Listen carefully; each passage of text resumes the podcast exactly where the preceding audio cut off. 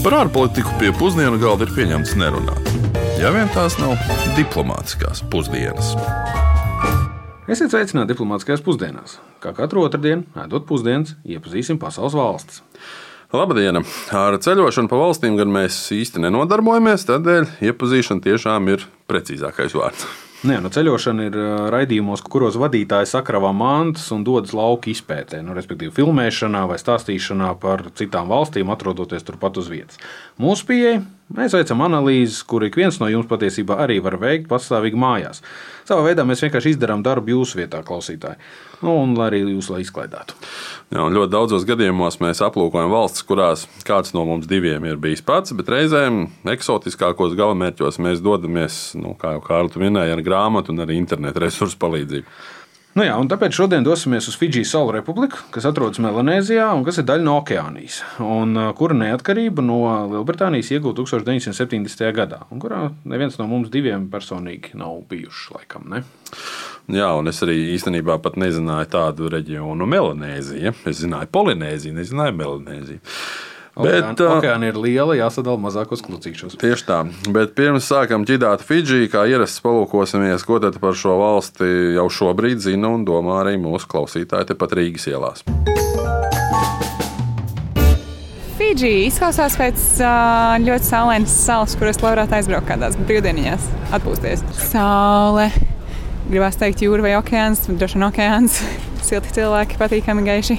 Fidži, Fidži water. Fidži ūdens, sala, tropiska sala, palmas, kokosrieksti, skaistas pludmales. Uh, beautiful beach. Kaut kas saulains, kaut kas, uh, kur, kur šobrīd ir silti, kaut kas ziedošs. Nu, tās tādas pirmās asociācijas. Kaut kas garšīgs nāk prātā. Smaržīgi, garšīgi, krāsaini, daudz saules. Fidži ir viena no pasaulē relatīvi nedaudzajām salu arhipelāgu valstīm. Nu, tā sastāv no 332 salām un vairāk nekā 500 mazām saliņām.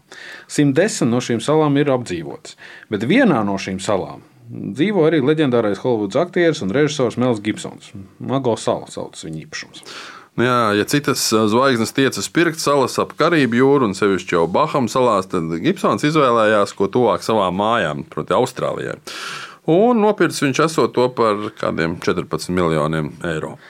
Nē, domāju, ka mēs katrs pērkot šo zvaigžņu produktu, respektīvi, viņu, skatoties viņu filmas, vai kinoteātros, vai Netflix, esam tomēr iemaksājuši naudu, lai viņi beig beigās varētu atļauties nopirkt šīs salas. Nu, mēs ceram, ka jūs klausāties mūsu raidījumu, bet mēs nepretendējam uz salu iegādi Fidži pašlaik. Runā par sevi. jā, jā, bet pie nepilna miljonu iedzīvotāju lielās Fidži valsts atgriežoties, runāsim, ka tātad divas lielas salas, Viti Levu un Veno Levu ir mājvieta vairāk nekā 80% valsts iedzīvotāju. Un vairums no šiem iedzīvotājiem, gandrīz divas trešdaļas, ir Itaukei, un nepilnīgi 40% ir indofidžieši, jeb fidži iedzīvotāji, kuriem ir Indijas izcelsme. Kas būtiski, Itaukei ir korekts apzīmējums tieši Fidži pamatiedzīvotājiem. Nu, tie nav fidžieši, bet gan Itaukei. Mm -hmm. Protams, ka valstī ir arī citas etniskās un rasu grupas, nu, tikai tās ir salīdzinoši nelielas skaļos. Fidži tiek uzskatīta par vienu no bagātākajām okeānijas valstīm. Bet, nu, protams, kā var iedomāties, viss ir relatīvs. Pēc Pasaules bankas datiem, kurus mēs izmantojam, Fidži IKP uz vienu iedzīvotāju ir apmēram 4100 eiro. Latvijai salīdzinājumam šis rādītājs pēc tiem pašiem datiem šā brīža valūtas cenās ir 15,000. Un vēl vienam salīdzinājumam, Fidži visa ekonomika ir tik liela, cik Latvijas valsts budžeta daļa sociālajai aizsardzībai. Nu, respektīvi, trešo daļu no mūsu valsts budžeta, jeb 3,7 miljardus eiro, mēs tērējam sociālo pakalpojumu sniegšanu iedzīvotājiem, nu, ieskaitot bezdarbnieku pabalstu. Fidži tajā pašā laikā tā ir visa ekonomika. Bet no kā tad sastāv Fidži ekonomika? Tie ir ļoti bagātīgi dabas resursi, un, protams, arī dažādas turisma radītās iespējas. Un, jā, un tieši runājot par turismu, tad tiek rēķināts, ka valsts ik gadu uzņem gandrīz tikpat daudz turistu, cik ir tās iedzīvotāji. Tātad nu, no 900 tūkstošiem līdz miljonam apmēram. Un turisti, protams, brauc no ASV, Austrālijas un Jaunzēlandes. Un tas arī ir saprotams, ņemot vērā to, ka tā atrodas klusā okeāna vidū un arī ir nu, faktiski šo valstu kaimiņu valsts. Nu, kas tad ir tie lielie dabas resursi? Nu, meži un zivs. Zivis, kas dzīvo mežos. zivs, kas dzīvo mežos. Vienlaicīgi lielākais eksporta produkts ir ūdens. Uh, jā, Fidži lielākais eksporta produkts ir pudelēs pildīts ūdens. Tā arī saucās Fidži. Ja kāds nav garšojis, tas ir ļoti maigs un patīkams. Man ir sanācis. Lielākais eksporta tirgus, kā nojaušat, Amerikas Savienotās valsts. Bet nu, rezultātā, protams, mēs redzam to, ka Fidži ir labs piemērs, ka nav vienmēr nepieciešams zelta vai naftas rezerves, vai arī ražot automašīnas, lai valsti varētu uzskatīt par bagātu. Pietiek ar relatīvi vienkāršu un viegli iegūstamu produktu, pareizo pircēju un ieguldījumiem mārketingā, kas ir tā lielākā un svarīgākā daļa. Nedomāju, ka Latvija ciestu, nu, ja kāds no tās lielākajiem eksporta produktiem būtu dzeramais ūdens. Nu, tas trūkst ļoti daudzās pasaules vietās, tostarp arī nevisai tālu no mums geogrāfiski. Nu, eksportē valsts ūdeni un arī jau iepriekš minētās zivis, bet importē toties tehnoloģiski daudz sarežģītākus produktus. Nu, ne tikai degvielu, bet arī lidmašīnas, automašīnas, nu, dažādas telekomunikāciju toņus arī. Nu, tādēļ, lai arī es piekrītu, ka eksportēt var un vajag visu, kas nav nelegāls, necilvēcīgs un neapdomīgs, tomēr ieguldīšana zinātnē un tehnoloģiju inovācijās ir ļoti svarīga un lai valsts varētu kļūt patiesi bagāta. Ar turismu, ūdeni un zivīm pārāk tālu gan tikt visticamāk nevarēs, un to mēs redzam arī pēc Fidži ekonomiskiem rādītājiem. Nu, sevišķi situācijā, kad lielākā daļa valsts ienākumu smagi ir cietusi arī no. Bet cieši, protams, ne tikai valsts kā sistēma, bet arī tās iedzīvotāji, protams, primāri. Un uh, Covid kļūst ne tikai par veselības sistēmas, ekonomikas, bet arī uh, politiski izaicinājumu daudzās pasaules valstīs. Nu, arī Fidži tā tas notiekās, un to ļoti skaidri ir stāstījis arī uh, Franks Bainīmā Rāma kurš ir Fidžijas Salu Republikas premjerministrs kopš 2007. gada. Commonwealth of Nations faces two vastly different realities. In one, Mūsu valstu sadraudzība saskaras ar divām attālām realitātēm. Vienā no tām attīstītajā pasaulē pandēmijai ir beigu datums. Ātra un pieejama piekļuva finansējumam glāba ekonomikas no izmisuma. Tagad ātra piekļuva vakcīnām sola strauju atkopšanos. Nāves gadījumu skaits samazinās, uzņēmumi atsāk savu darbu, darba vietas atjaunojas, ceļošana atsākas un tirzniecības laikā zaudētie miljārdi dolāru tiek atgūti. Tas ir patiešām apbrīnojams noturības stāsts. Pareizāk sakot, tas varētu būt, ja vien tas sniegtos tālāk par turīgo pasauli. Mūsu citā realitātē, tajā, kuru izdzīvo visas attīstības valstis, ekonomiskā atkopšanās joprojām ir vāja. Tādas ievainojamības kā geogrāfiskais atstatums ierobežo mazās salu valstis, kurām ir jāizmanto vai jāatrod jebkādi finansiālie instrumenti, lai tikai noturētos virs ūdens. Un naudas drukāšana šeit nepalīdz. Parādi kāpj un attīstība ir apstājusies un valstis nonāk jaunajā realitātē, kurā valda milzīgi Covid radītie zaudējumi. Tikai ilgtspējīga un iekļaujoša ekonomiskā atlapšana var palīdzēt mazināt atšķirības starp šīm divām realitātēm.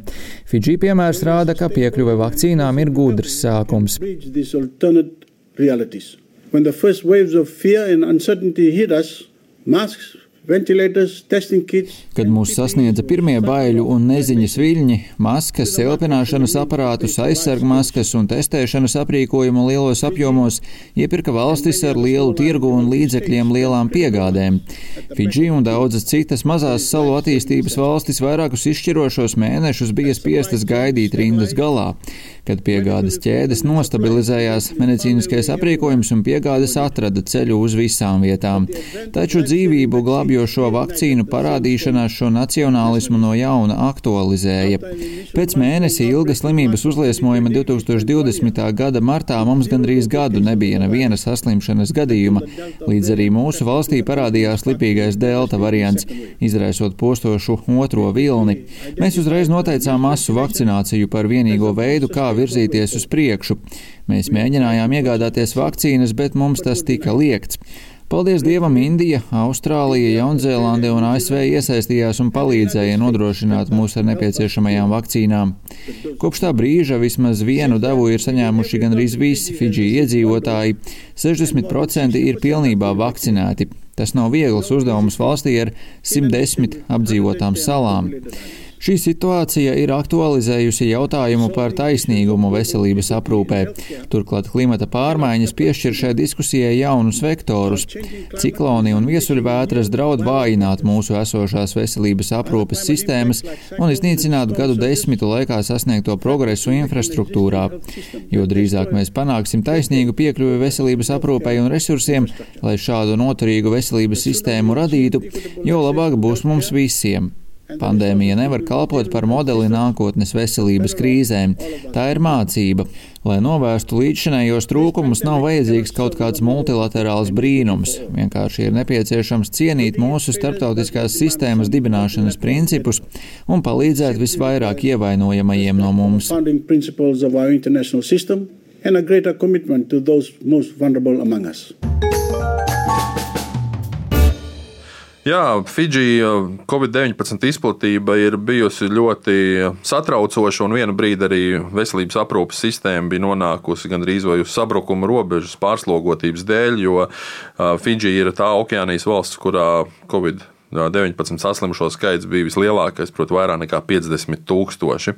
Un atliek vien cerēt, ka nu, Fidži iedzīvotājiem tomēr izdosies pārvarēt šo distanču izraisītos izaicinājumus starp salām, lai ar vakcīnu un vakcinēšanās palīdzību atgrieztu arī darba vietas un iespējas sev. Un pieļauju, ka arī valsts himna, kuras nosaukums, starp citu, ir Dievs svētī Fidži, ir patiesi iedvesmojoša. Lai cik būtu paēdis, vienmēr ir vieta arī desertam. Iepriekšējā raidījumā par Nigēru jau solījām, ka šodien mums būs regbijs, bet tas ņemot vērā, ka Kārlim nepatīk sports. viņam man patīk sportot, bet man nepatīk skatīties sportu. Man ir otrādi laikam. Tātad desertā šodien mums sports ar muskuļotiem, sportiskiem un džentlmeniskiem vīriešiem. Um, regbijs, kā visi zina, ir džentlmeņa sporta veids, jo pretējā gadījumā tas būtu vēl traumatiskāks nekā tas ir šobrīd. Un regbijs ir starp daudzajām ietekmēm un kultūras produktiem, ko izplatīja Lielbritānija, nu, apvienotā karaliste, savas koloniālās ekspansijas rezultātā. Starp citu, zinu, no kā ir radies šis džentlmeniskais sporta veids teiciens. Droši. Kāds ir salīdzinājums ar futbolu? Futbols ir uh, spēle džentlmeņiem, ko spēlē huligāni, un regbijs ir spēle huligāniem, ko spēlē džentlmeņi. Nu, redz. Tāpēc jau droši vien gandrīz 7 miljonu regbija spēlētāju ir reģistrēti pasaulē. Jā, bet Fidži gadījumā valstī gandrīz viena desmitā daļa iedzīvotāji ir reģistrēti regbija spēlētāji. Tādēļ jau arī var skaidri teikt, ka šis ir patiesi Fidži nacionālais sporta veids. Fidži komanda skaitās starp pasaulē desmit spēcīgākajām, un tā arī ieguva zelta medaļas 2016. gada vasaras Olimpiskajās spēlēs un arī tikko notikušajās spēlēs Tokijā. Un vēl vairāk tika apspēlēti sīvākie pretinieki Jaunzēlandes slavenie All Blacks. Starp citu, sieviešu komanda izcīnīja bronzas medaļu regbijā.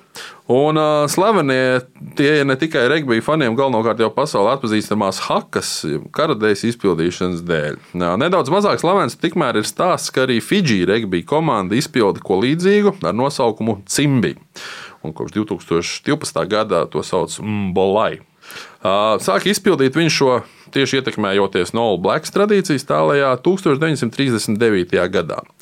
Nu, jā, laikam toreiz komandas kapteinim bija bail spēlēt pret Jaunzēlandi nepiesaukušam dievu. jā, bet ziniet, šis tomēr ir deserts. Runa ir par muskuļiem, par kāru, par rituāliem. Un es tomēr pieminēšu vēl vienu faktu par Fidži, ko daudz iespējams jau zinās. Un šis būs saistīts ar ēdienu. Ļoti, ļoti netradicionāli, gan uh, saistīts ar kanibālismu. Ja kanibālisms bija būtiska daļa no Fidži pamatiedzīvotāju tradicionālās virtuves līdz pat kristietības ienākšanai tās teritorijā. Balstoties uz arheoloģiskiem atradumiem, šobrīd tiek uzskatīts, ka cilvēks Fidži ciltis ir ēdušas vismaz 2,5 tūkstoši gadu. Pēdējie, kas Fidži salās esot apēsti, tas jau kristiešu misionāri nu, kas patiesībā nepārsteidz. Un 1871. gadā Fidžijas slavenais karalis Seru Epenisa Cakobao kurš ne tikai izveidoja apvienoto Fidžiju karalisti, bet arī pats uz sava piemēra pamata, jā, burtiski aicināja Fidžiju iedzīvotājus neēst vairs savus līdzcilvēkus pēc tam, kad pats bija pārgājis kristietībā.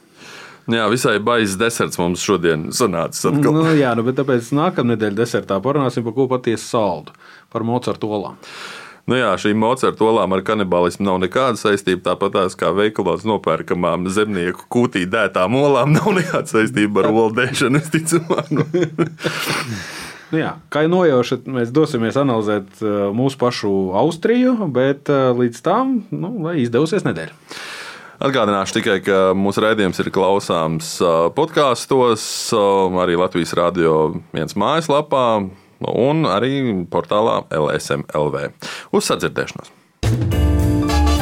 Diplomātiskās pusdienas katru otrdienu pusdienos Latvijas Radio 1.